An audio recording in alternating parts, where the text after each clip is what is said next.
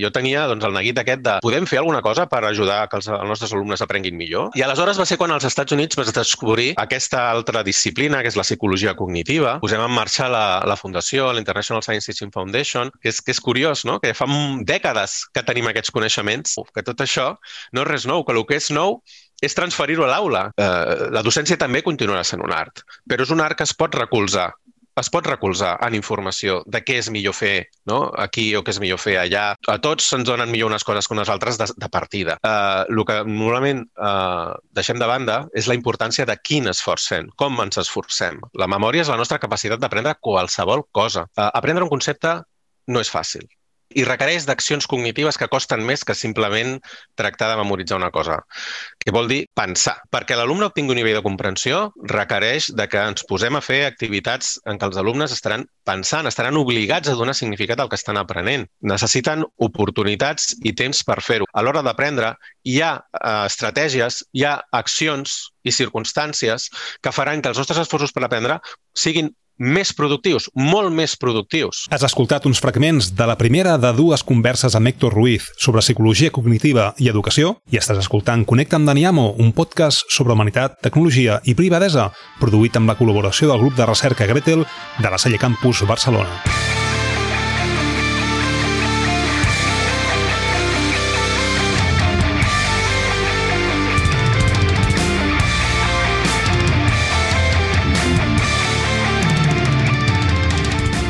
Héctor, al final aquest és un podcast en el que parlem de tecnologia, humanitat i privadesa. I, i les persones doncs, que venen aquí doncs, tenim una, una conversa sobre aquests temes. I, evidentment, educació no? doncs és, mm. uh, és, és, és una d'aquestes tres branques, evidentment, on hi ha tecnologia, on hi ha humanitat, on hi ha uh, privadesa. No? I, ostres, tu estàs, uh, tu estàs uh, en la branca educativa, tot, tot i que ets biòleg, Uh, mm ara estàs en, en temes de recerca uh, de psicologia cognitiva, no? Que ara en, en parlem, no? Perquè, ostres, a mi em, em sona això uh, que ve d'allò del conductisme, però tu, tu em, em no. corregeixes, que és més aviat constructivisme, no? Que, que és cap a l'altra bueno, compte. banda. Vale, vale. Bueno, ara, ara en parlem, no? I, sí. i escolta'm, um, estàs fent molt de soroll, sobretot en, en Twitter, no? Comentàvem fora, fora micro, mm no? Doncs és una de les xarxes doncs, que, en què estàs fotent doncs, molta canya, és una forma doncs, de donar a conèixer tota aquesta recerca que en psicologia mm. cognitiva, ostres, fa 80 anys que està la cosa uh, corrents i, com sempre, educació diuen que és un reflex de la societat, però no és un reflex d'on es fa recerca, no? que és on tu i jo doncs, estem uh, treballant cada dia. No? Uh, potser fent el que ens agrada o no, però és, al final és, és treball i hi ha doncs, certes dinàmiques i tot allò que publiquen doncs, no arriba a educació. No? I a mi em sembla molt doncs, que hi hagi persones que eh, en el seu camp, perquè al final eh, tu estàs en psicologia cognitiva, jo estic en allò que li diuen analítica de l'aprenentatge, tot mm -hmm. té les seves coses bones, les seves coses dolentes. El, el teu camp i el meu és, és tracta també de la conducta humana, i clar, tot allò que, que sigui agafar recursos i coses que ens puguin anar bé, doncs uh, benvingut sigui, sobretot en, en educació, no?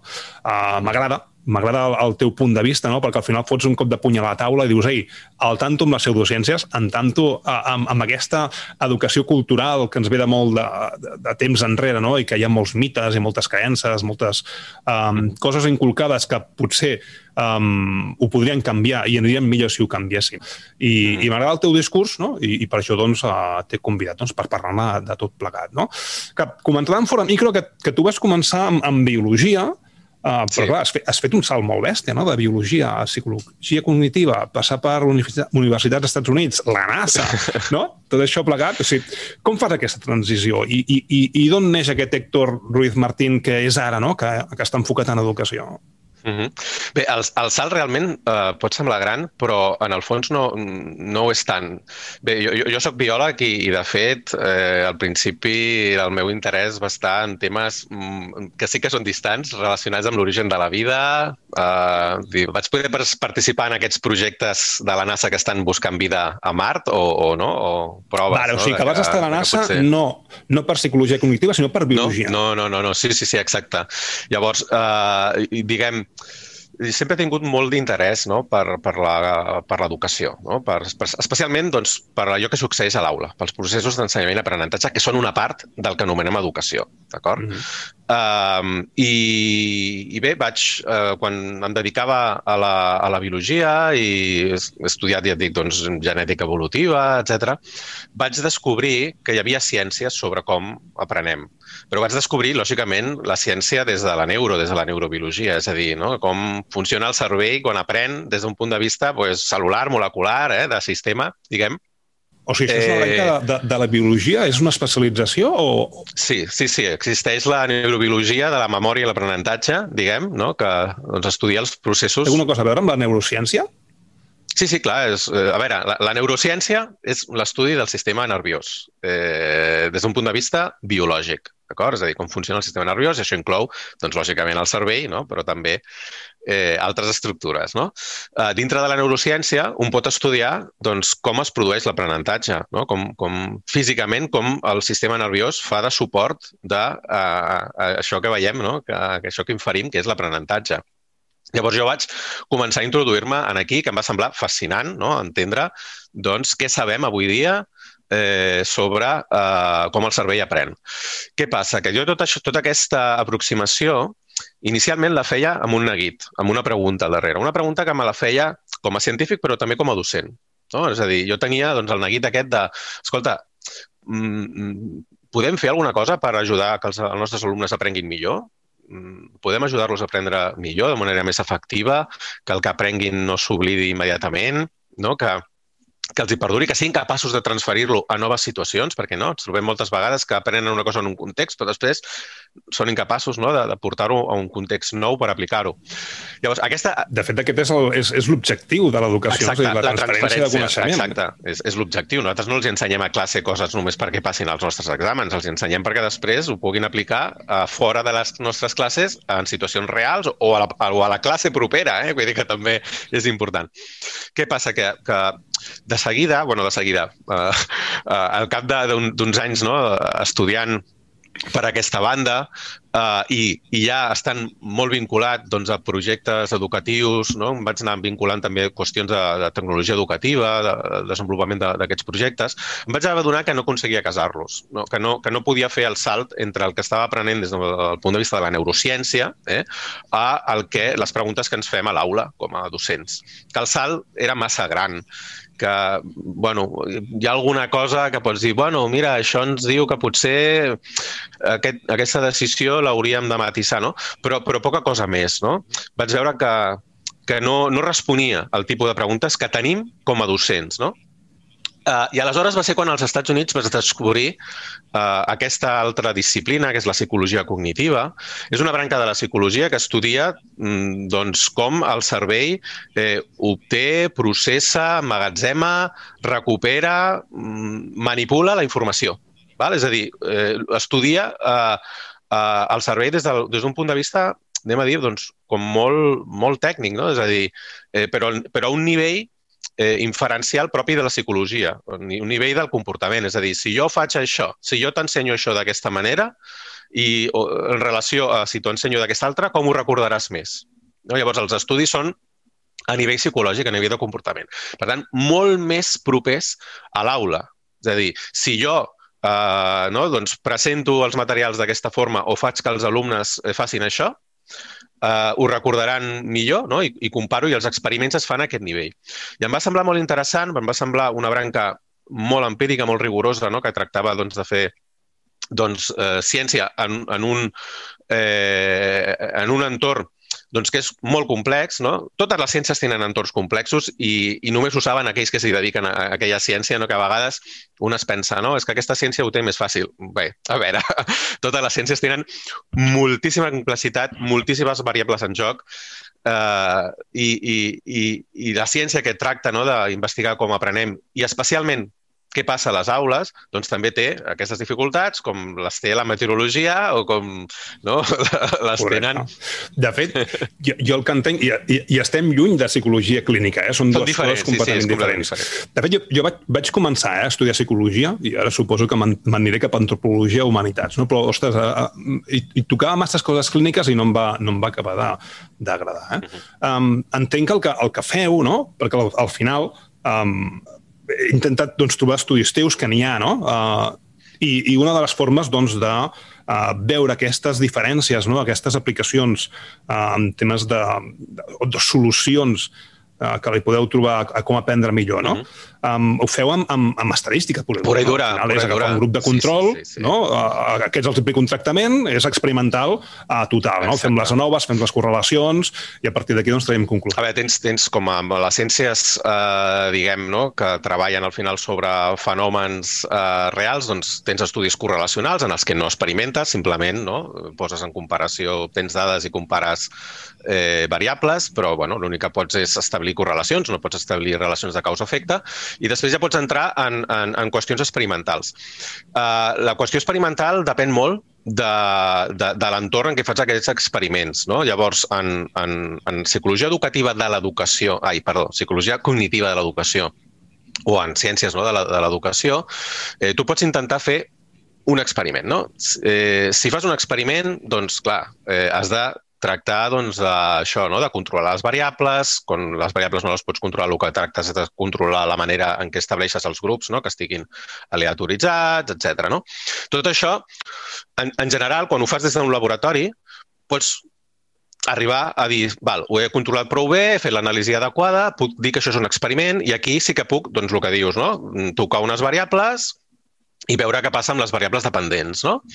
Eh, I això serien experiments. Però també una cosa que, que, que s'ha de fer molt en educació, perquè si vols portar això a l'aula i, i vols investigar-ho a les aules, i a les aules hi ha coses que no pots fer, tu no pots decidir com distribueixes els grups, perquè els grups són els que són, tu no pots, eh, tu no pots decidir va, que en aquesta escola la meitat faran això i l'altra meitat no, per qüestions ètiques, perquè, bueno, això què és? Llavors, entres en la... I els pares, els pares et tiranien a la jugular. Eh, també, no? Llavors, hi ha, hi ha, hi ha tot això que et porta a el que es diuen quasi-experiments, val? Que, és, que, és, que és aquest terme en el que dius, val, eh, hi ha coses que, que no puc eh, decidir. Jo no puc decidir com es distribueixen els grups, per tant, hauré d'assumir eh, no? doncs, que pots tractar de mirar, bueno, anem a analitzar si aquests grups parteixen de les mateixes característiques. Pots eh, analitzar, però tu ja no, ja no els has aleatoritzat, etc. Llavors, aquest tipus de recerca eh, bueno, mm, es fa i t'ajuda a, a, a, a veure com principis que tu pots haver eh, revelat en el laboratori no? i que són principis de dir, ostres, mira, quan fem això passa això, no? Quan, quan fem això hi ha més probabilitat de que passi això altre. Doncs quan els portes a l'aula, on hi ha encara no, les variables no estan controlades i posen moltes coses més i vols saber si realment doncs allò a, a l'aula té sentit, eh, fas aquest tipus altres d'experiments de, de, o quasi experiments i aleshores doncs, pots aportar proves, no, evidències de, de si això sembla que funcioni o no. Hi ha moltes vegades en què un principi que queda claríssim des d'un punt de vista teòric al laboratori s'ha portat a l'aula i no ha funcionat perquè a l'aula doncs, hi ha altres situacions que si tu apliques aquelles pràctiques resulta que afecten a altres variables, que poden ser variables emocionals, que poden ser variables socials, eh, que si no les tens presents doncs, doncs clar, eh, ja pots dir missa... Desmunten el, exacte, el concepte. Exacte. Sí, sí. Llavors, bé, eh, realment, eh, per mi descobrir tota aquesta recerca, veure que es podia fer eh, recerca que tractés de ser rigorosa no? eh, eh, per portar informació, idees, que a mi em semblen que són molt valuoses pels docents, i m'incloc, no? O sigui, jo sóc el, el primer egoista que volia saber aquestes coses era jo com a docent. Clar, tu vas començar a secundària i després vas saltar a universitat? O... No, jo, jo de fet vaig, vaig començar, doncs, eh, ja saps que quan fas recerca, fins i tot quan estàs fent el doctorat, has de fer classes. Ah, sí, et, et, et toca fer, si et dona... De fet, sí. jo demanava i, i em concedien a, tant a professors del meu grup com a professors d'altres grups que ens coneixíem que, ens, que em deixessin fer les seves classes i, i, ah? I bueno, doncs els, I això? els bueno, perquè m'agradava molt. M'agradava molt eh, fer classe i, i llavors, bueno, ja saps no, que a vegades doncs, eh, pots fer de... No, I si tens un grup maco, hòstia... Bueno, i, i, i després vaig tenir també doncs, l'experiència de fer classes a secundària, a batxillerat, eh, i vaig gaudir-ho molt també. Eh, vaig també doncs, entendre no? doncs, totes les que, particularitats que té no? l'estar a una aula amb 30 i pico adolescents no? i, i les hormones, Exacte. les emocions, I... no? Que les emocions les tenim mal enteses. Ara, ara, ara ens expliques quatre, quatre coses. Clar, llavors, tu vas agafar i vas sortir de la universitat, també vas estar fent secundària i, i te'n vas anar després, entenc, cap a... O, o va ser, te'n vas cap a la NASA, després tornes, fas secundària, però després uh, muntes una fundació. O sigui, muntes sí. l'International Science Teaching Foundation, sí, no? Sí, sí. Que és ara on estàs i el que estàs fent i el que estàs uh, de, de, uh, de fet, abans no? d'això jo vaig crear una associació que es deia Omnicèl·lula, des de la que ja fèiem molta divulgació científica. Vam crear una revista de divulgació en ciències biològiques que va ser adoptada per l'Institut d'Estudis Catalans, per la Societat Catalana de Biologia. Uh, I bé, i a partir d'aquí també vaig participar en un projecte de, que en aquest cas era un projecte privat de desenvolupament de materials educatius digitals, amb el que vaig també aprendre molt no, sobre, diguem, doncs, els, les, les possibilitats de la tecnologia educativa a les escoles. Vaig estar molt implicat en tot el projecte aquell eh, bueno, implicat des de, diguem, que, jo, que el vaig viure en pròpia pell el projecte aquell de l'Educat 1 per 1, no? De, de, de, de... Sí, dels portàtils i el ferro. Exacte. El ferro que els va posar. En el sentit de que vaig estar en contacte amb moltíssimes escoles no? que van participar en aquest projecte doncs, per entendre també doncs, realment quina era la part beneficiosa de tot allò i quina era, eren els inconvenients de tot el que no, s'estava fent o, o, de, o, de, o de la manera en què s'estava fent. No? I, I a partir d'aquí, eh, el, el 2012, eh, amb col·laboració amb investigadors, sobretot als Estats Units i també alguns anglesos, posem en marxa la, la fundació, la International Science Teaching Foundation, com un projecte que no pretendia ser gaire ambiciós, sinó simplement volíem una miqueta, teníem la missió de promoure les bones pràctiques en l'ensenyament de, la, de les ciències, entenent les bones pràctiques com aquelles que es basen en, en la recerca. Val? I en dos àmbits de la recerca. La, la didàctica pròpia de les, de les ciències, en la que jo tinc certs coneixements, però no sóc el, diguem, un gran expert, i també des de l'àmbit més cognitiu, general, no? de tot el que estem sabent sobre quines coses realment eh, aporten millores en, en els aprenentatges eh, i com doncs, tot això no, ho podíem casar, casar per, per eh, portar-ho diguem, a, la, a, a les escoles. Llavors, comencem amb un projecte que es dedica a donar formació, sobretot, als professors de ciències sobre propostes educatives, de fet... Curiós, de ciències, no, sí. no, no un altre àmbit. No, perquè ens vam, ens vam, ens vam centrar en aquest àmbit, eh, però què passa? Que de seguida vam descobrir que no hi havia prou en fer formació ens vam adonar que sí, que, que, que realment els docents que participaven en les nostres activitats, en els nostres cursos, estaven entusiasmats amb el que aprenien, els hi fins i tot ensenyàvem doncs, un model, una seqüència que té molta recerca darrere, que es diu el model de les cinquès, i, i sortien d'allà amb ganes d'aplicar-ho a l'aula, però després veiem que realment no hi havia un impacte real a l'aula, que, que gairebé no canviava res perquè va, una cosa és que tinguis les idees del que has de fer, una altra cosa és que quan arribes a l'aula i dius, val, a veure, què toca? Les lleis de Newton. Val, I ara com faig jo les lleis de Newton? Mm, aplicant... No, a, a més a més, clar, a més a més, la programació didàctica, les unitats i companyia, les fas al juliol, després de tot un curs sencer i amb el temps que queda i mentre estàs a vacances, com a, com a docents, que els docents ja sabem que fem moltes vacances, sí, estem donant el cuco sí, de, com, sí. de, com, de, com, de com donar-li, és a dir, com, com fer que, que els nanos puguin aprendre aquells coneixements, perquè, a veure, hi ha, hi ha una realitat, i això ho dic de, de, de la meva pròpia boca, eh? és a dir, um, educació és política, no? perquè sí, al final sí, sí. hi ha una, un, un seguit de, de polítiques que ens mengen en el dia a dia i que no ens deixen fer allò que, que ens agradaria com a docents, perquè hi ha un currículum molt bèstia, mm -hmm. molt atapeït, en el que també repeteixen moltes coses al llarg dels diferents anys, sobretot en primària, no? el cicle de l'aigua, no sé quantes vegades es, es dona, eh? el cicle de l'aigua, llavors, clar, això ens impedeix, d'alguna forma, doncs, que aquests professors que estem molt motivats, no?, um, puguem aplicar totes aquestes tècniques o que les anem aplicant mm. no? de, de mica en mica. Però clar, això és com...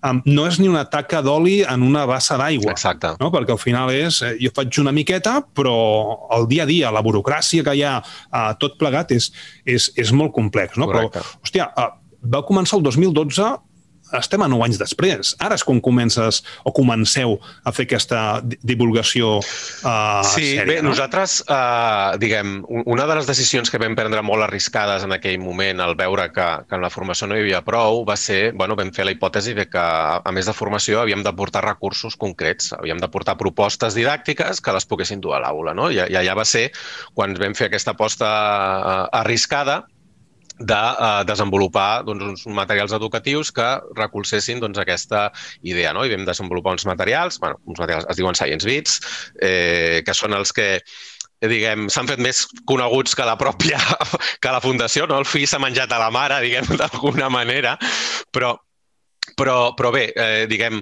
en, aquesta, en aquest esperit no, de, de, de seguir treballant en això, va ser quan eh, doncs això, ara farà dos anys eh, que, que a mi em va entrar el neguit no? de, de com era possible i t'he de dir que també vaig, em vaig sentir impulsat pel fet de veure que als Estats Units, que a Anglaterra, començava a haver-hi un moviment de uh, promoure uh, la, la transferència de la recerca científica a les aules, d'acord? I, eh, bueno, com que he seguit molt en contacte doncs, eh, amb, amb... De fet, jo als Estats Units, abans de la pandèmia, hi, hi era cada mes. Vull dir que... Eh, Pio, sí, eh, com a mínim 10 dies hi era cada mes, a vegades el mes sencer. Eh, I, bueno, i seguit doncs, això, no? molt, molt vinculat a, diguem, al món eh, educatiu, però diguem, educatiu barra acadèmic, no? de, de, de recerca de, de l'entorn anglosaxó, i em vaig veure, doncs, impulsat de, de veure que s'estaven produint aquests moviments eh, en aquests països, però que aquí això no estava passant. No? I, de fet, el que estava passant, l'interès que començava a haver-hi per la ciència de, de transportar l'educació, era un interès per la neurociència.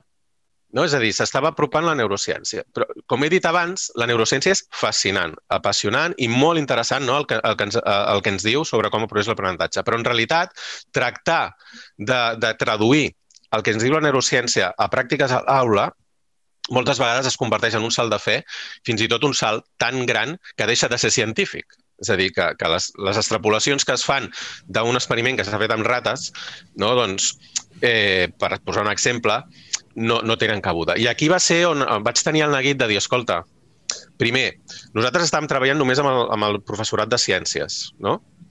I eh, des d'un punt de vista cognitiu, eh, hi ha moltes coses que sabem sobre l'aprenentatge que en realitat són importants per qualsevol tipus d'aprenentatge, no? I per qualsevol disciplina o qualsevol, eh, diguem, eh, àmbit de la vida. Sí, eh? àmbit i, i edat. I edat, i... etc. Mm -hmm. I aquí va ser quan bueno, doncs vaig tenir la, la, la, les ganes de, de, de, de divulgar-ho, de, de fer divulgació i de, i de apropar-ho als, als docents i vaig preguntar, mm, doncs, jo d'entrada m'havia pensat fer un blog, no? però tothom, els meus amics em van dir si fas un blog no llegirà ningú. Vull dir... És cert. I, i, I llavors vaig, clar, vaig preguntar, bueno, i què faig? No? Em van dir, mira, doncs, et recomanem Twitter, que és una xarxa social on hi ha molts docents, on es parla molt d'educació, etc. I, bueno, vaig, jo ja tenia un compte de Twitter que no feia bueno, servir gaire. Eh, eh, és el millor consell. Eh? Vés-te'n a passar al poble, agafa un megàfon i comença a parlar. Vull dir que al final t'has de, de fer marca i persona. Vull dir, això funciona Exacte. I, i, I bé, jo, jo doncs, vaig començar humilment a, a, doncs, a començar a explicar doncs, totes aquestes coses al Twitter, amb el format que Twitter em, em permetia, no? però bueno, doncs, a partir d'uns fils, etc. I, I vaig estar molt content de, de, que, de veure que generaven eh, interès, no? I, i això doncs, me'n va animar a seguir. A partir d'aquí, doncs, molta gent em demanava, escolta, tot això, per què no ho poses en un llibre? I bé, doncs vaig dir, per què no? Eh... No un, tres llibres. Sí, al final. Dir, no, no em vas tenir por amunt. Sí, exacte. Que el 2020 en publiques tres. Un per docents, un per alumnes i un per sí. uh, pares, mares o a, a termes més genèrics, no? S'ha de dir que el primer que surt al gener del 2020 en realitat portava uh -huh. un any i escaig uh, treballant-hi, vull dir, que és el, que és el llibre... És, aquest és el que es diu Com aprendemos una aproximació científica... Oh, sí. No sé si també el tens en català, oi? Com no, aprenem una aproximació no, no, científica? Està només no? en castellà. Això ja depèn de l'editorial. Jo també els estic punxant vale. a veure si, si ho fem en català, però es diu Com aprendemos una aproximació científica a l'aprendizaje i l'ensenyança, que és un llibre gruixudet, és un llibre mm, adreçat als docents, eh, en el que, pretenc, el que faig un repàs general doncs, de tota la recerca en psicologia cognitiva i en psicologia educativa, no? eh, relacionada amb l'aprenentatge eh, i l'ensenyament, eh, i, i amb el que tracto, doncs, sobretot, no, de donar unes, unes bases generals eh, sobre, sobre tots aquests temes i introduir moltes, moltes referències, moltes que expressament també ja són referències antigues, expressament perquè vull reflectir que no és res nou, que tot això no és res nou, que el que és nou és transferir-ho a l'aula, que, és, que és curiós, no? que fa dècades és que, que tenim aquests coneixements és, i no s'han transferit. És que estem en això estem en això, és a dir, um, es parla molt de conductisme, es parla molt de constructivisme, es parla molt de connectivisme, totes aquestes teories, aquestes branques, jo mateix amb analítica de l'aprenentatge, eh, que cada, cada cop l'ho diu més, és a dir, en el sentit de que uh, la tirania de les mètriques, no, també ho comentàvem, no? és a dir, quan tens mètriques pel mig i quan tens uns objectius també perversionen uh, el sistema, no? Uh, I en compte amb els números, sí. no? Compte amb els números perquè també poden fer eh, uh, uh, poden fer arribar on estem ara mateix, sí. no? És a dir, que tot és qualificació, tot és notes, estem amb uns certs eufemismes de que ara ja no, el, el, els nens i les nenes ja no tenen 10, no tenen 9, tenen satisfactori, molt satisfactori, o és a dir, coses d'aquestes que dius que però al final és eh, una regla de 3. No? Si té un 10 és molt satisfactori, si té un 5 és satisfactori. No? Estem mm. exactament al mateix. No? Però clar, tot això mm. comporta molts canvis. No, no només pels docents, que som els primers que estem disposats, i els directius d'escola, eh? evidentment que aquestes persones que estan allà doncs, també tenen molt a dir. No? Directius, docents d'escoles, som conscients de que cal un canvi, som conscients de que aquest coneixement doncs, està des de fa molts anys. Vull dir, la psicologia cognitiva surt quan, quan apareix l'ordinador. Vull dir, als 40, 50, eh, quan es, es pot començar a computar i començar a fer aquests experiments. No? Mm -hmm. um, però clar, les polítiques no deixen... És dir, en aquest país, cada, cada cop que hi ha un canvi de govern, hi ha un canvi de política educativa. Sí, sí, sí. Llavors, clar, és, és, és meravellós, no? Vull dir, fins que a les alts, als, a les altres esferes no hi hagi un canvi de mentalitat, um, la feina és dels docents, no? I s'agraeix doncs, que hi hagi aquestes iniciatives com ah, jo, jo crec que aquí el que és interessant és veure, apreciar no, que, que, que l'educació històricament, no, sobretot, s'ha basat en, en, en ideologia, s'ha basat en tradició, no, s'ha basat, diguem, en, en experiència personal. Totes aquestes coses, doncs, lògicament, tenen la seva aportació, especialment l'experiència personal. L'experiència personal doncs, és clau. Eh, eh, la recerca també ens indica que els docents que tenen més experiència són més eficaços que els que tenen menys. Per tant, és evident que l'experiència personal és un grau, però, però eh, això no vol dir que no podem eh, millorar, que no puguem contribuir a fer aquesta, experi aquesta experiència no? doncs, més productiva i, per tant, a, a, diguem, la pràctica docent molt més eficaç si eh, aportem recerca que tracti de, de lliurar-nos dels, dels biaixos que patim tots eh, amb les nostres experiències personals, no? els nostres biaixos ens fan recordar, ens fan interpretar les nostres experiències ja en la base de, la, de, les, no, de les nostres idees prèvies. És a dir, que, que un acaba traient les conclusions que vol treure no? des, de, des del principi. Llavors, la ciència l'única cosa que fa és, és, és tan senzill com dir, a veure, anem a intentar alliberar-nos d'aquests biaixos, anem a veure què passa realment, anem a obtenir les dades sistemàticament, anem a, anem a fer estadística i anem a, re, a veure realment si això, que perquè hi ha dos alumnes que t'han dit no sé què, tu ja pensaves que era així, realment, què passa si analitzem tots els alumnes, no? I per dir-ho d'una manera molt senzilla, que, eh, que l'únic que, que es tracta una miqueta és d'aportar una mica de llum des del punt de vista de dir, a veure, aquesta, aquest tipus de proposta, aquesta pràctica, realment fa, té els efectes que creiem que té? Eh, quants alumnes ens deixa enrere a, a, a aquesta pràctica? No? Llavors, Aquí és orientar les decisions educatives i jo sobretot treballo en el tipus de decisions que es prenen a dins de l'aula. Eh? Les decisions que, com dic, eh, tenen a veure amb els processos d'ensenyament i aprenentatge. Hi ha altres decisions més grans, hi ha altres decisions que tenen a veure més amb l'organització eh, de l'escola, que tenen a veure amb l'organització del currículum, etc. Jo en aquestes puc aportar alguna cosa, però poc. Però aquí hi ha altre, altres, altres eh, investigadors en altres àmbits, com la sociologia, eh, com, com l'antropologia, fins i tot, no? que eh, poden també eh, aportar no, dades que ajudin a prendre millor aquestes decisions. Però això és de lo que jo, diguem, és el que, el que defenso, és el que promoc, que comencem a utilitzar també eh, aquesta informació, que comencem a recolzar-nos en aquesta informació per prendre millors decisions. Igual o similar, de manera similar a com va fer la medicina fa uh, un segle i escaig.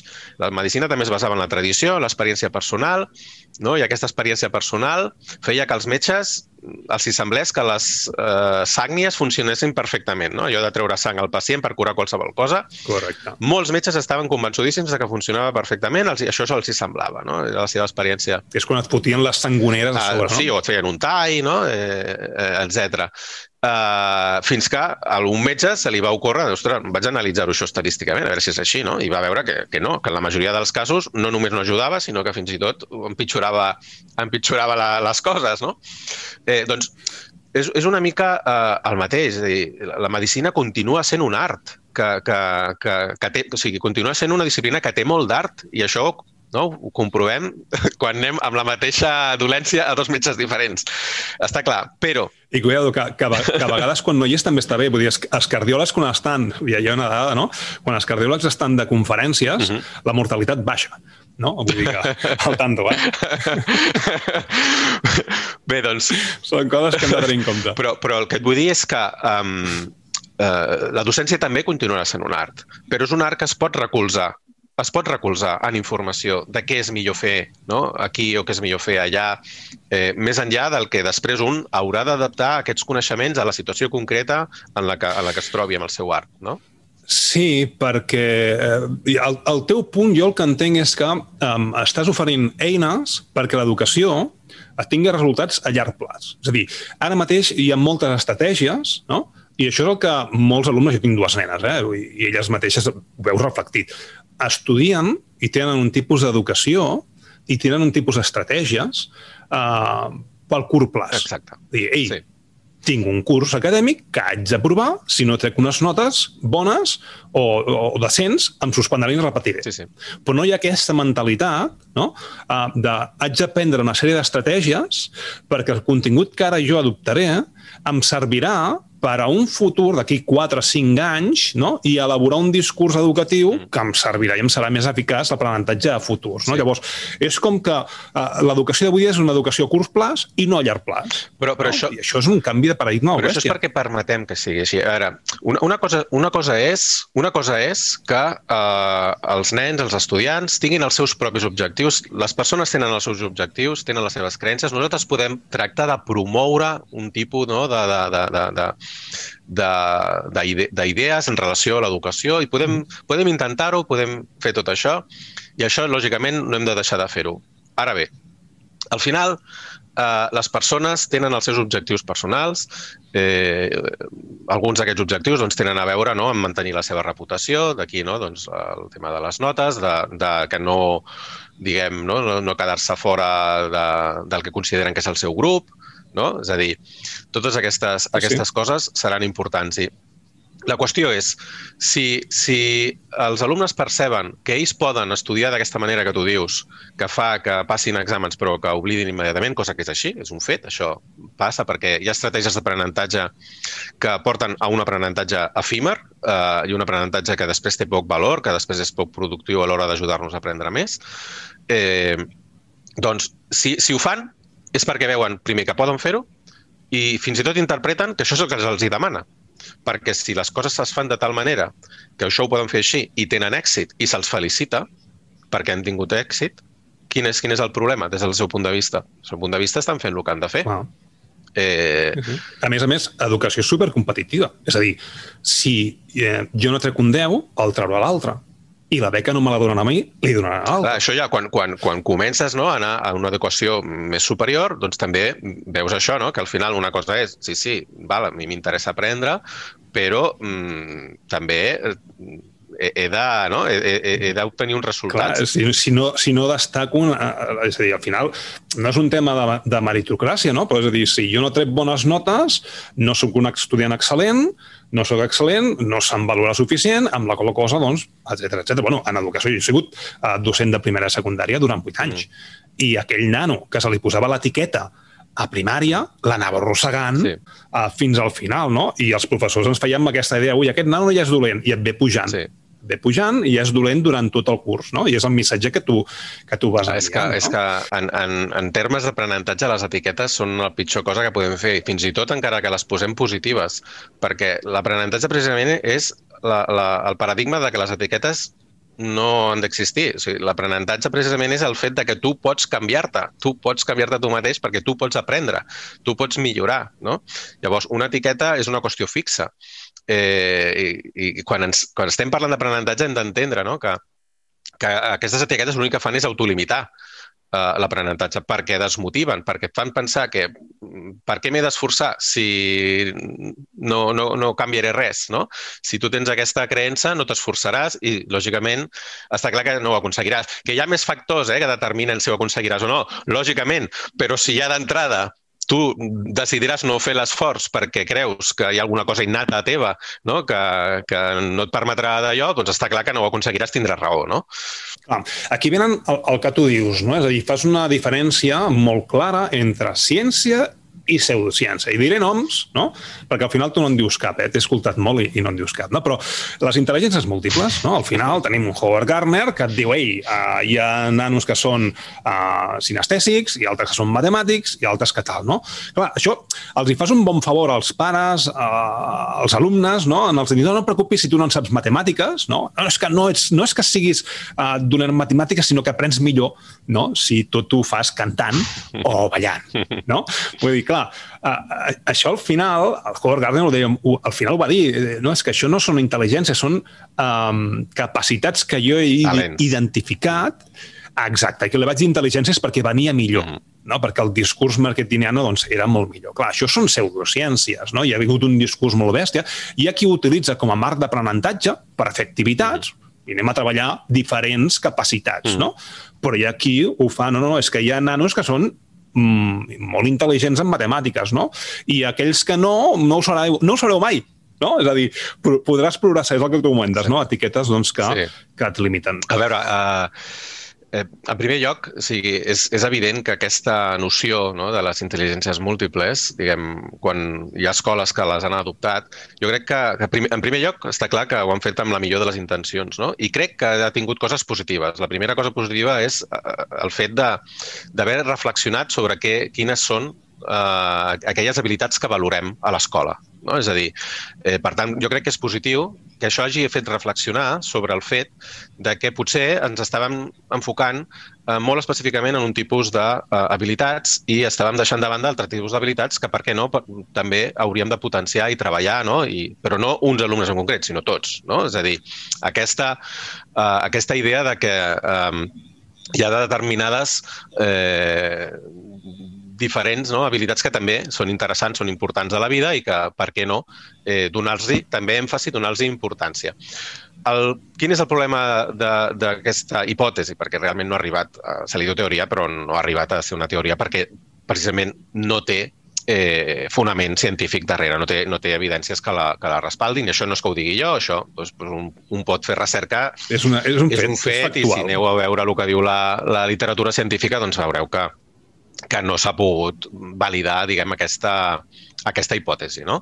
Eh, ni des d'un punt de vista neurocientífic ni des d'un punt de vista psicològic. Vull dir, no, no encaixa amb, amb tot el que sabem sobre eh, el concepte d'intel·ligència o sobre eh, doncs, eh, com funciona l'aprenentatge. De fet, també hem de diferenciar entre la proposta del Garner i les pseudopropostes que després surten a partir d'aquestes idees, que això passa molt eh, en educació, eh? a partir d'una idea eh, surten tot de propostes que agafen aquell nom, però que ja no tenen res a veure amb el que deia. El, el mateix Garner ha dit moltes vegades que ell mai ha pretès que les seves idees s'apliquessin a l'educació, que eren més aviat un, un, un marc Sí, sí, de fet ha, ha dit molt clar que s'està aplicant malament. Sí, correcte, perquè vegades, fins i tot que... aquesta idea de, de que utilitzar una intel·ligència, d'aquests talents, diguem, perquè un alumne aprengui un altre tipus de talent a, a través del seu talent, això no té cap sentit. És a dir, això és com... Eh, no? És a dir, no, aprendràs matemàtiques mm, a partir d'un un altre tipus d'habilitat. No, o sigui, el que has de practicar són les matemàtiques. No? I, Exacte, i entendre-les, uh, no? Treballar-les, treballar, perquè, a veure, és, és, és evident que, que hi ha diferències innates entre les persones en quant a les seves habilitats d'aprenentatge, no? que poden ser o, o, o generals o, o específiques no? de, de determinades matèries. És, és evident. A tots se'ns donen millor unes coses que unes altres de, de partida. Però això no vol dir que no, no serem capaços d'assolir uns nivells de domini, diguem, mm, suficients, que són els que al cap i a la fi ens demana l'escola. L'escola no ens demana que siguem tots enginyers aeronàutics, ni que siguem Beethoven, ni que siguem Einstein. L'escola no ens demana uh, això. A l'escola en principi, es plantegen doncs, una sèrie d'objectius doncs, d'un nivell que qualsevol persona, lògicament, eh, doncs, exceptuant els trastornos, extre els trastorns extrems, eh, lògicament, però que qualsevol persona, fins i tot aquell que diu ah, és que a mi no se'm dona bé, és que avui a mi em costa, mm, pot assolir-los. Què passa? Que si a un li costa, que si a un hi ha una cosa que, que, que d'allò, doncs necessitarà més esforç. I, i jo esforç, que, també, eh? que, ojo, que ens, que ens... Exacte. Sí, per què? Perquè la teoria educativa és reforç és a dir, és matxaque, matxaque, matxaque, i potser no és que ho estiguem fent massa. Bueno, a, a, a, moltes vegades de lo que es tracta és això, és a dir, l'esforç vist com a tal no ens diu res. És a dir, clar que l'esforç és important i que com més t'esforces, més aprendràs. Lògic. I que si no t'esforces, no, per molt talent que tinguis, no d'allò. Però eh, el que normalment eh, deixem de banda és la importància de quin esforç fem, com ens esforcem. Perquè la manera en què ens esforcem pot fer més productiu o menys del nostre esforç. I si un s'esforça molt, eh, però no aconsegueix l'objectiu, aleshores això a la motivació té un impacte tan gran no? que ens porta a autoetiquetar-te i dir, ah, jo és que això no puc perquè m'he esforçat i no. Exacte. És, és una de les coses que amb els meus estudiants ho veig molt reflectit i amb la meva filla gran també, no? en el sentit, hòstia, és que he estudiat moltíssim per aquest examen i no he aprovat. Bueno, és que t'has esforçat, esforçat ara no? no has fet una carrera a llarg plaç i t'has esforçat d'una forma que no toca. No? I, uh, l'aprenentatge, jo sempre, sempre ho he dit, és, és dolorós. És, és, cerebralment és, és dolorós aprendre. És dir, perquè estàs reconfigurant sí, sí. el cervell. Sí, sí. No? La psicologia cognitiva, a més a més, mm, parteix del cervell, amb la qual cosa tothom té la mateixa estructura cerebral, tots aprenem uh, amb, amb, mateixos mecanismes. De la mateixa forma, sí, sí. vull dir. Eh, vull dir que no, no, no hi ha altra cosa, no? I en els teus llibres doncs, parles de uh, memòria, els diferents tipus de memòria, parles de les emocions, no? Um, parles de moltes coses que les tenim mal enteses. Ara s'ha posat molt de moda aprendre amb emocions. Si no hi ha una emoció i tots estem jugant mentre estem aprenent, doncs no estàs aprenent, no? I, i, i són aquestes coses que a vegades diuen, bueno, parem-nos i aturem-nos, no? Va, anem a parlar una miqueta, d'aquestes uh, memòries, no? I com les emocions ens afecten en aquestes memòries, perquè al final... Mm. Uh, si tu tens cerebral, ho podem utilitzar d'alguna forma, doncs tots de forma comuna, no? Mm -hmm. Bé, eh, doncs, doncs sí, eh, en educació contínuament doncs, salten idees no, a la palestra que venen a partir doncs, d'alguna doncs, intuïció, d'algun estudi concret, no? i llavors es, es reconfiguren, es, es, es deformen no, per portar-nos a, a missatges doncs, que sembla que, que, que intuïtivament no, tenen, eh, tenen certa són plausibles, no? I, I llavors ens sembla que han de, de ser així, no? I un, i un d'aquests, doncs, últimament és aquesta idea de, de l'ús de les emocions en educació, que també doncs, estan eh, potser anant molt més enllà del que realment la ciència sap al respecte. No? Per situar-nos, això que deies de les, de les memòries. La, normalment, quan, quan un parla de memòria, de manera quotidiana, les persones creuen que la memòria doncs, és com un magatzem de dades no? que tenim al, al cervell i, i, per tant, que la memòria és simplement això. No? És, és el que ens permet obtenir eh, dades de les nostres experiències sense significat. No? I, i d'aquí que sortin expressions com memoritzar o aprendre de memòria, que vol dir aprendre sense, sense comprensió. No? Uh, bé, doncs en, en realitat, jo, clar, quan jo parlo de memòria, en realitat no estic referint-me a això únicament, perquè des d'un punt de vista científic la memòria no és només això. La memòria és la nostra capacitat d'aprendre qualsevol cosa. O sigui, és la capacitat que té el cervell de, uh, de canviar uh, davant de totes i cadascuna de les nostres accions i experiències eh, qualsevol experiència, qualsevol acció que fem modifica el nostre cervell. Precisament aquests canvis el que pretenen és el cervell estar millor preparat doncs, per la propera vegada no, que, que, que tinguem un, aquell estímul, no? aquella, eh, aquella experiència no? eh, al davant.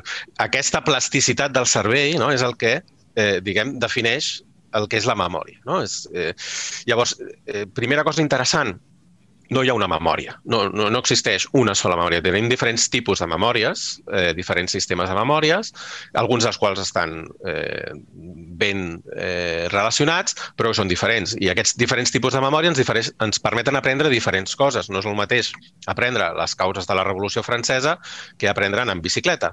Però totes dues coses depenen eh, de la memòria. Eh, eh, aprenem fets, però també aprenem conceptes, aprenem idees. Eh, quan aprenem idees, quan aprenem conceptes, la qual cosa implica comprensió, és la memòria la que està permetent fer això. És la manera en què organitzem la informació a la memòria és la que ens permet construir significat. De fet, la nostra memòria, la, la, la, la memòria eh, explícita, que és la que eh, refereix a l'obtenció de coneixements, no? de, eh, sobretot eh, és bona eh, guardant significats.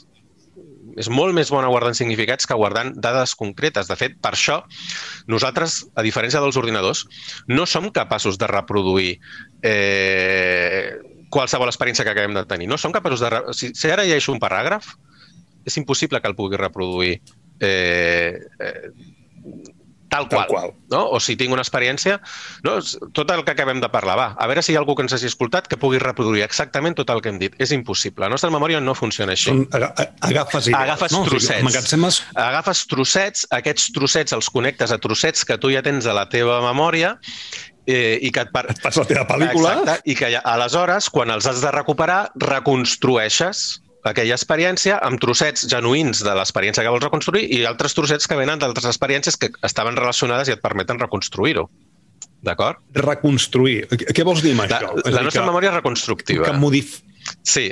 Vale. sí tu, tu, no, tu no recordes, tu quan recuperes un record, o un coneixement, especialment si és un de complex, eh, no estàs, diguem, recuperant exactament aquella experiència, aquell fet que, que, que va generar no? aquell, aquest record, sinó que estàs fent una barreja entre elements que procedeixen genuïnament d'allò i altres elements que tu ja tenies eh, d'experiències similars, no? perquè la nostra memòria, de fet, funciona connectant eh, la, aquesta, la, la nova informació amb informació que detecta que està relacionada i llavors la, la junta, perquè nosaltres quan recordem el que fem és una reconstrucció, és a dir, cada cop que esteu, estem recordant una cosa l'estem canviant, l'estem modificant, no?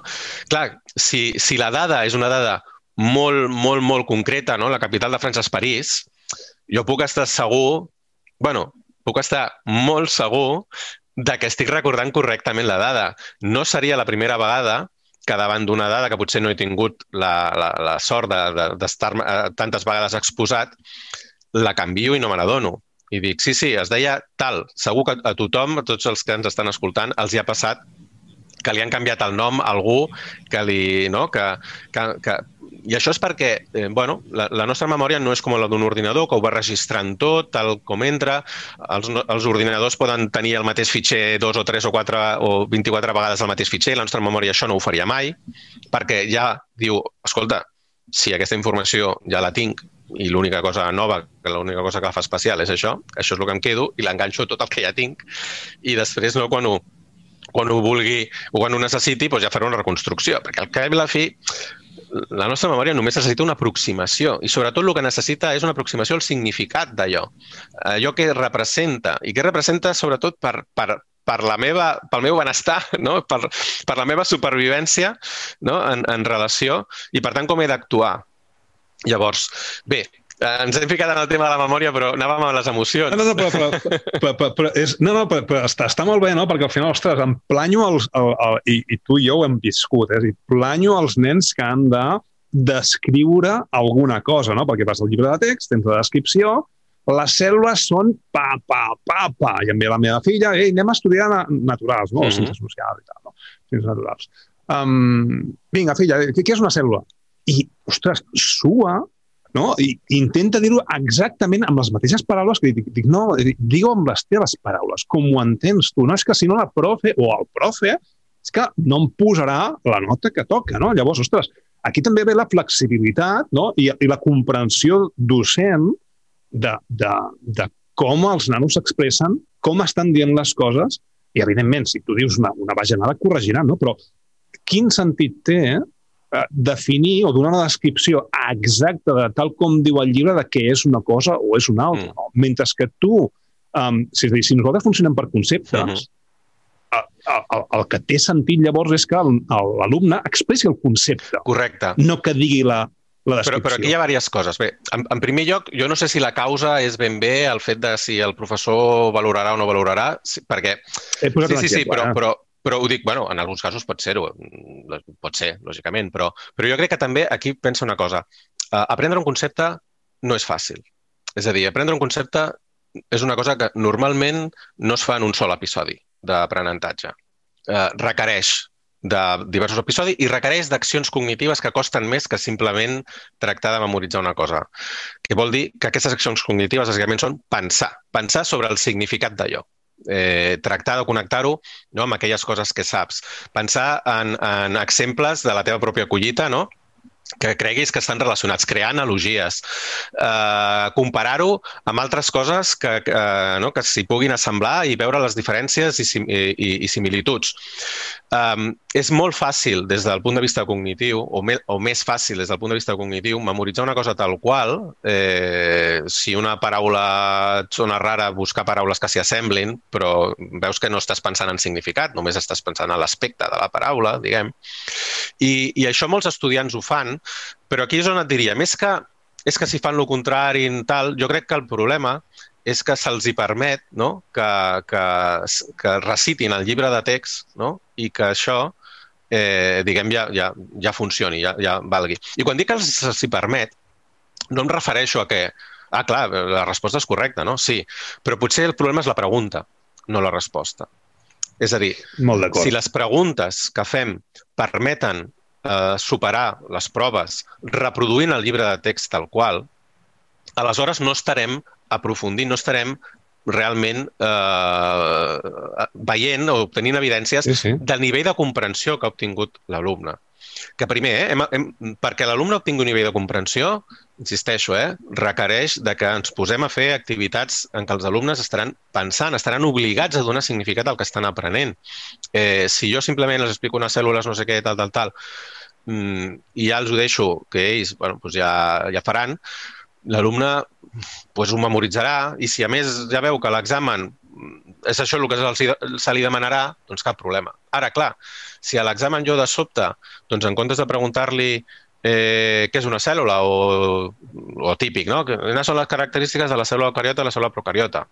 bueno, doncs si en comptes d'això li pregunto, escolta, mira, eh, els antibiòtics són uns medicaments que se'ls anomena la bala màgica perquè tu te'ls prens si tens una, una infecció bacteriana i només ataquen a les cèl·lules bacterianes, que són cèl·lules procariotes.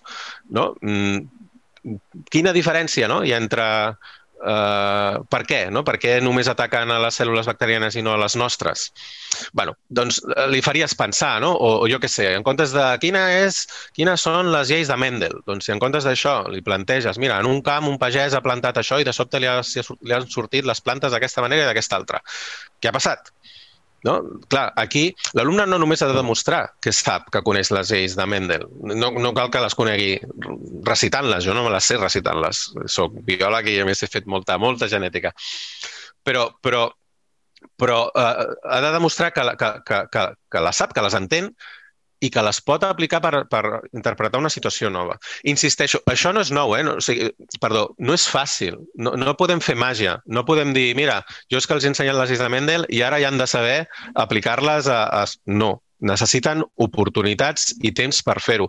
Però aquí és on està la clau, no? de dir, a veure, si un aprenentatge superficial, anem a dir entre cometes, memorístic, ens porta a aprenentatges efímers, hauríem de reflexionar i veure si eh, hem de dedicar eh, una mica de, de temps, és a dir, potser treure temps a eh, inversió en amplitud en el currículum i fer una mica més de profunditat en el currículum. No? Clar. És un dilema, això, eh? el dilema entre sí, sí, no, no, amplitud és, i profunditat. És complex. Sí, és, és, és molt complex i, i de fet el, el teu llibre Aprendiendo a aprender, no? uh -huh. uh, hosti, és que és molt encertat, perquè en, en educació, i almenys jo els temps que he viscut, eh, i, he, i he estat en, en, en diferents escoles, eh? Um, una d'elles, el Col·legi Montserrat, uh -huh. uh, uh, amb que han treballat doncs, moltes coses, um, han treballat intel·ligències múltiples, evidentment, però han treballat um, l'aprendre a aprendre dins de l'aula i el, els feien uh, reflexionar moltíssim, uh -huh. no? treballem en aquesta metacognició, uh, els alumnes i els alumnes surten carregats d'eines cognitives molt bèsties, uh -huh. que siguin millors o pitjors, no? Uh, però clar, um, estem molt centrats en aquest currículum i menys en donar-los eines per aprendre a aprendre. No? I, I després, quan acabem aquests estudis de, obligatoris, anem a la universitat, després ens preocupem no? per uh, tot això d'aquí. No? Quan en, no, no hauria de ser una preocupació del propi estudiant, sinó que és el propi sistema que hauria de donar mm. doncs, aquestes eines. No? Clar, jo em pregunto, no? és a dir, aquest Robert Schwartz, no? Dels, dels 80 i companyia, i que va treure rutines de pensament i destreses de pensament, són dues coses diferents i cada, uh -huh. cada autor. Com ho valores tu, això? És a dir, són... Um, perquè al final, clar, si tu li dius a un docent, ei, ensenya-li a, a, aprendre no? -huh. a aquest alumne, per on comença? Sí. Per on comença un docent de primera secundària si ell mateix la carrera de magisteri o la carrera que hagi rebut, sí. no, els estudis, no he ensenyat a, a, a a, a ensenyar, a aprendre als estudiants, per on comença un docent? Evidentment pels teus llibres, no? No, no, no, no, no. És una cosa per... No, clar, clar, no, però bueno, és evident, o, o te'n vas a, a autors sí. de fora o te'n vas a autors de casa, no? Sí. Amb la qual cosa podem començar per aquí. Però clar, hi ha aquest eh, mecanisme de, eh, ei, tenim unes estreses de pensament, tenim unes eh, rutines de pensament, mm -hmm. són vàlides, um, hem de, de fugir o agafar-les uh, amb pinces perquè um, és el que ens pot ajudar. Mm -hmm. Per on comença un docent, al final? A veure, jo sovint poso, en, en aquesta situació que parles, sovint faig una analogia eh, per una mica explicar què és el que ha passat doncs, tradicionalment, és a dir, des de, des de fa dècades, no? a, a, a l'escola i a la universitat. No? Nosaltres eh, demanem als estudiants que aprenguin, però no els ensenyem com fer-ho. No? L'analogia quina és? Imagina't que tenim una piscina, una piscina olímpica, però que no, no, no cobreix, i posem una persona al mig d'aquesta piscina que no sap nedar, però com que no li cobreix, no s'ofegarà, eh?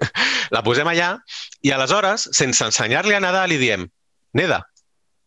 Li diem neda, va, has de banda a banda, el més ràpid que puguis, però no li ensenyem a nedar. Què farà aquesta persona a la que no ensenyem a nedar? Bueno, doncs, intuïtivament farà el que li sembli, no? I doncs, segurament desenvoluparà una estratègia, una tècnica molt dolenta, com fer el gosset, per exemple, que seria el més intuïtiu de fer, no? però eh, que tots sabem que és una forma molt poc eficaç de dedicar els esforços a nedar, en aquest cas. No? Porta d'un lloc a un altre. Sí, si tens la sort de tenir una bona forma física, no? estàs eh, preparat eh, per la natació, resulta que estàs fent el gosset, però des de fora, ei, sembla que tot va bé, perquè vas de banda a banda, vas prou ràpid, no? Fantàstic. Qui no té aquesta... És allò que t'han demanat. Exacte, no? Qui no té aquesta forma física, qui no té aquesta ja inicial per a la natació, ostres, comença a passar aigua, es cansa, va molt lent, eh, ha fet una piscina i no pot més, eh, abandona és, Val? abandona o és quan ve l'escola i et diu anem a fer reforç i en compte d'ensenyar-te a nedar et pot fer peses, no? et pot fer força per aguantar. Ah, exacte. O, o, o et diu neda més, no? Eh, has de nedar més. O nedar Val? més. Però és el que dèiem abans de l'esforç. No? Una cosa és esforçar-se, que és important, però altra cosa és com t'esforces. No? Si tu no li ensenyes scroll, que és la manera més eficaç, eh, doncs no obtindràs el millor resultat dels seus esforços. No? I, i, I és evident que una persona, eh, encara que diguem, no tingui la millor forma física, si n'he de crawl en comparació amb una molt bona forma física que faci el gosset, doncs la diferència, la diferència és important. I aquesta analogia, tot i que lògicament aprendre és molt més complex que nedar, crec que ens serveix per, per veure, no? que és una bona analogia per entendre que als alumnes els hi demanem els demanem que aprenguin, els hi facilitem no, l'accés a allò que han d'aprendre, però després ja no els hi diem com ho han de fer. I resulta que, igual que a Canadà, a l'hora d'aprendre, hi ha eh, estratègies, hi ha accions i circumstàncies que faran que els nostres esforços per aprendre siguin més productius, molt més productius que eh, serien doncs, fer-ho d'altres maneres. De fet, abans comentàvem eh, no, també aquest fet de que els estudiants acaben utilitzant estratègies dolentes no, perquè, bueno, perquè poden, perquè tenen èxit eh, utilitzant-les. Però és que i, i deien, bueno, potser el problema és que, que poden fer-ho. No només. El problema també és que, igual que el crawl, eh, a la natació, les bones estratègies d'aprenentatge no són intuïtives. El crawl no és gens intuïtiu. Eh? Els europeus van trigar molt de temps a, a fer crawl. Eh, doncs eh, amb les bones estratègies d'aprenentatge succeeix el mateix. No són intuïtives. Fins i tot aquells alumnes que espontàniament desenvolupen estratègies que són bones ni se n'adonen de que tenen un gran avantatge gràcies a que estan fent servir aquestes estratègies. Es pensen que bueno, doncs és així com s'ha de fer i punt. No? Eh, llavors, què passa? Que aquí jo què recomano? Eh, doncs recomano, crec que, que la, la, la millor aproximació eh, de com podem tenir un impacte des del punt de vista metacognitiu, no? aquesta reflexió sobre el, el propi pensament, sobre el propi aprenentatge, eh, és ensenyant bones estratègies d'aprenentatge. És a dir, eh, a veure, les, les estratègies metacognitives tenen la seva limitació, d'acord? Si, val, si jo puc aprendre Uh, val, quan, quan em posi davant un problema, el mm, primer que he de fer és reflexionar sobre què sé, sobre tal. Val, aquestes coses estan molt bé. Però al final necessites tenir coneixement sobre el problema per acabar-lo resolent. Llavors, les estratègies metacognitives són interessants, però no esperem que tinguin un impacte mm, extraordinari eh, en, en, en l'aprenentatge. Què, quin, dintre de les estratègies metacognitives, què és el que sabem que pot tenir un impacte transversal important? Bones estratègies d'aprenentatge que tenen a veure amb el fet de com ens relacionem amb l'objecte d'aprenentatge per aconseguir que el nostre cervell el retingui molt millor i sigui capaç de transferir-ho molt millor. És a dir, hi ha accions que en el mateix temps de dedicació fan que una cosa o l'oblidem el dia següent o la continuem recordant durant força dies. D'acord?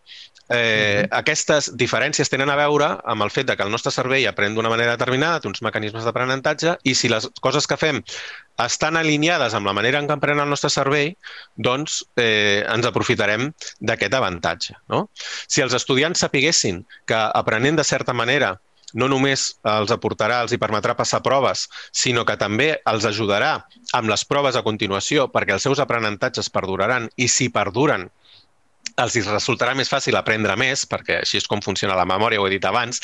La memòria es va construint no? sobre allò que té, per tant, com més té sobre una cosa, més fàcil li resulta aprendre més no? sobre allò i millor.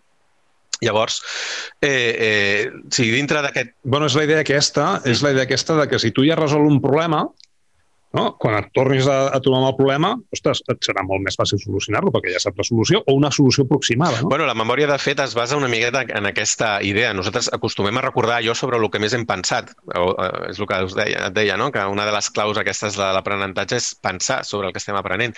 I és que el nostre cervell li dona importància al que hem pensat, perquè pensar és una solució, diguem, no és, la més, no és la solució més eficaç des d'un punt de vista adaptatiu.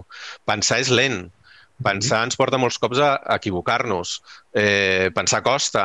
Si estem parlant, per tant, des d'un punt de vista adaptatiu, d'un problema que necessita solució immediata, eh, no? trigar a obtenir la solució o a sobre equivocar-se pot no... Pot costar la vida. Pot costar la vida, no?